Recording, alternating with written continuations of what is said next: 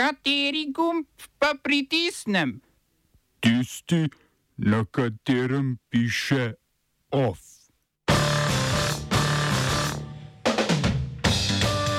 Prepoved splava še v ameriški severni Dakoti. Sodišče zaustavilo evikcijo in deportacijo migrantov iz Majota, francoskega čezmorskega ozemlja. Protesti mačarskih učiteljev proti spremembi učiteljskega statusa. Traktorski protesti pred državnim zborom.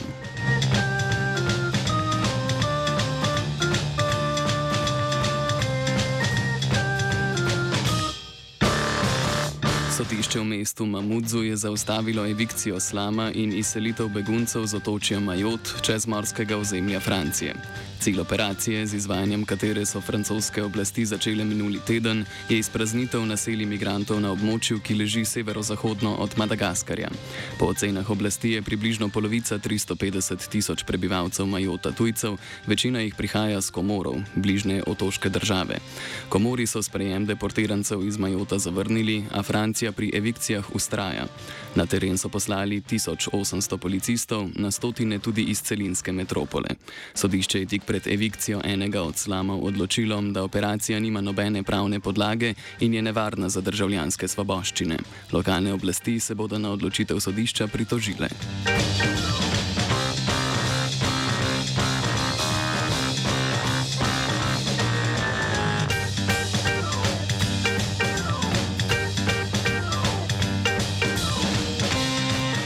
Sudanu se kljub 72-urnemu premirju nadaljujejo sporadični spopadi med vojsko in silami za hitro posredovanje, znanimi kot RSF. Premirje je oznanil kar ameriški zunani minister Antony Blinken, uveljavo pa bi moralo stopiti ob polnoči.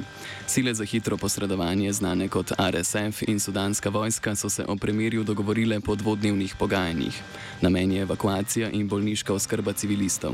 Združeno kraljestvo je z operacijo evakuacije lastnih državljanov že začelo.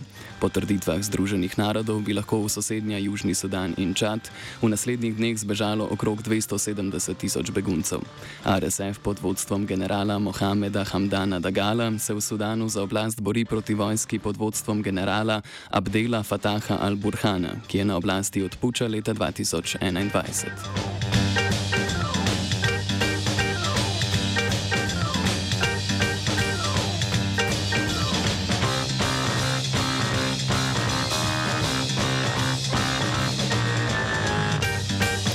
Severnodakotski republikanski guverner Doug Bugram je podpisal enega najbolj restriktivnih zakonov proti splavu v Združenih državah Amerike. Splav v Severni Dakoti je bil doslej dovoljen do 22. tedna nosečnosti, odslej pa bo mogoč le do 6. tedna nosečnosti in zgolj v posebnih primerih, kot so posilstvo, incest in izven maternična nosečnost. Ta je običajno diagnosticirana šele po 8. tednu nosečnosti. Nudenje splava so morali zdravniki doslej zagovarjati na sodišču, ki je presodilo, ali je bil splav res potreben. To sedaj ni več potrebno, a je omogočanje splava izven posebnih primerov še vedno opredeljeno kot hujši zločin. Restriktivni zakon je posledica lanske razveljavitve sodbe Roe proti Wade na vrhovnem sodišču.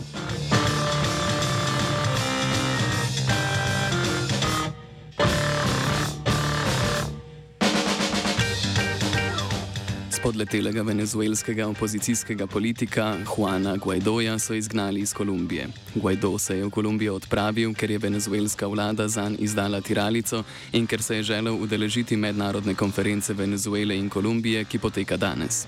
Kolumbijsko notranje ministrstvo je sporočilo, da je bil Guaido iz države izgnan zaradi kršenja imigranskih določb. Po ponovni izvolitvi venezuelskega predsednika Nikolasa Madura leta 2019 je Guaidoja kot pravega predsednika skušala instalirati koalicija imperialistov z Združenimi državami Amerike na čelu. Letos so se mu zaradi neuspeha pri njegovem cilju odrekle tudi opozicijske stranke v Venezueli.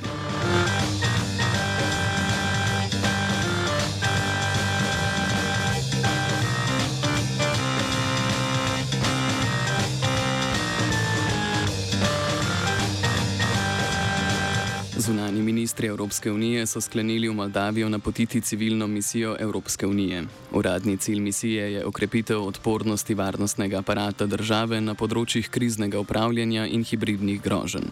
Poleg tega je cilj delovanje tu proti tujim informacijskim manipulacijam, kar se kakopak nanaša na delovanje Rusije. Z Moldavijo Evropska unija sodeluje predvsem na področju zaustavljanja migracij, lani pa je Evropski svet čez noč podelil status kandidatke za vstop v unijo.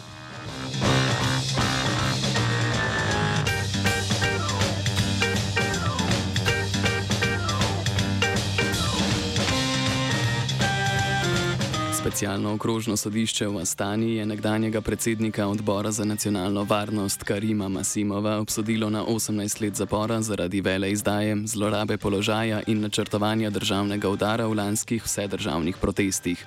Sodišče je zaseglo tudi celotno Masimovo premoženje, mu oduzelo državna priznanja in prepovedalo ponovno opravljanje kakršnekoli politične funkcije.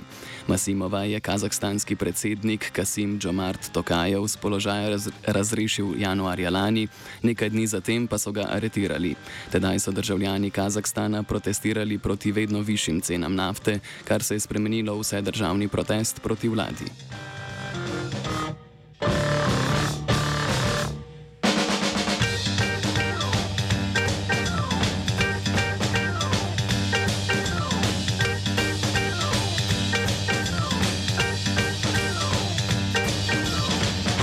Budimpešti je več tisoč učencev in učiteljev protestiralo proti noveli zakona o pravnem položaju zaposlenih v javnem šolstvu, ki ga je notranje ministrstvo predstavilo v začetku marca.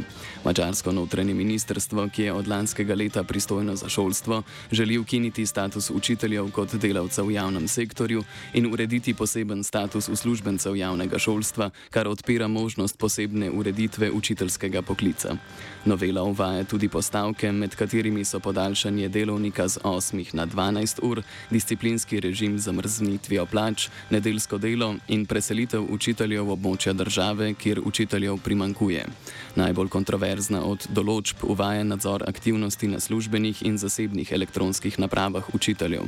Notranje ministrstvo je napovedalo, da bodo v primeru stavke šolsko leto podaljšali v juliju.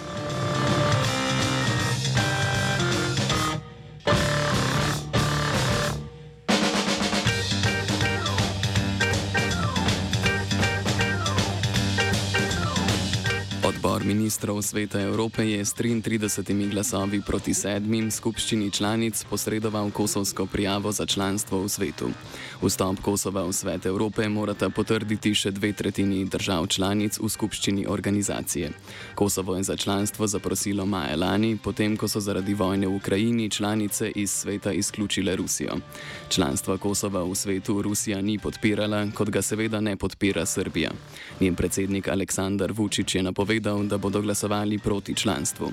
Svet Evrope je organizacija za nadzor človekovih pravic v Evropi, ki ima 46 držav članic, vključno z vsemi državami Evropske unije. Članice sveta so podpisnice Evropske konvencije o človekovih pravicah, svet pa je ustanovitelj Evropskega sodišča za človekove pravice. Konvencija je sicer vključena v Kosovsko ustavo, a brez članstva v svetu Evrope državljani na sodišče ne morejo vlagati pritožb. Smo se osamosvojili, nismo se pa osvobodili. Naslednje število je še 500 projektov. Izpiljene modele, kako so se strani nekdanje LDS rotirali. Ko to dvoje zmešamo v pravilno zmes, dobimo zgodbo o uspehu. Takemu političnemu razvoju se reče udar. Jaz to vem, da je nezakonito, ampak kaj nam pa ostane? Brutalni obračun s politično korupcijo.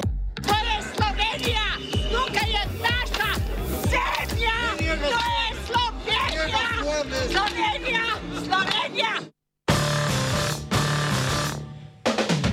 Opoldne se je na protestu v centru Ljubljane zbralo več tisoč kmetov z okoli 500 traktorji, potem ko je sindikat kmetov prejšnji teden prekinil pogajanja z vlado. Poglavitne razloge za današnji protest pojasni eden od protestnikov. Razlogov je veliko, imamo 15 zahtev, ki jih želimo doseči. Bile so tudi povedane sedaj na protestu. Ena izmed glavnih Eh, ki se mi zdi najbolj smiselna, je ta, da nekdo, ki upravi 40-urni tečaj, lahko pride na tvojo kmetijo in ti govori, kako moraš ti delati. Sam sem upravil 6 ur eh, ali 6 ur, 6 let eh, kmetijske izobrazbe in mislim, da sam vem, kako delati z živaljo.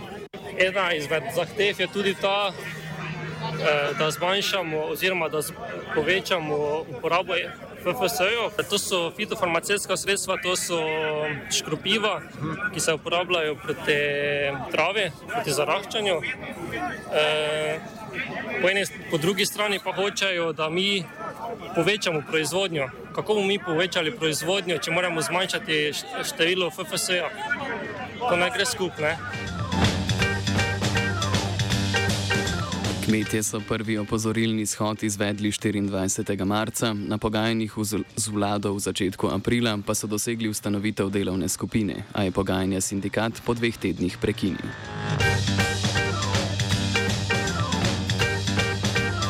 OF je pripravila Neva.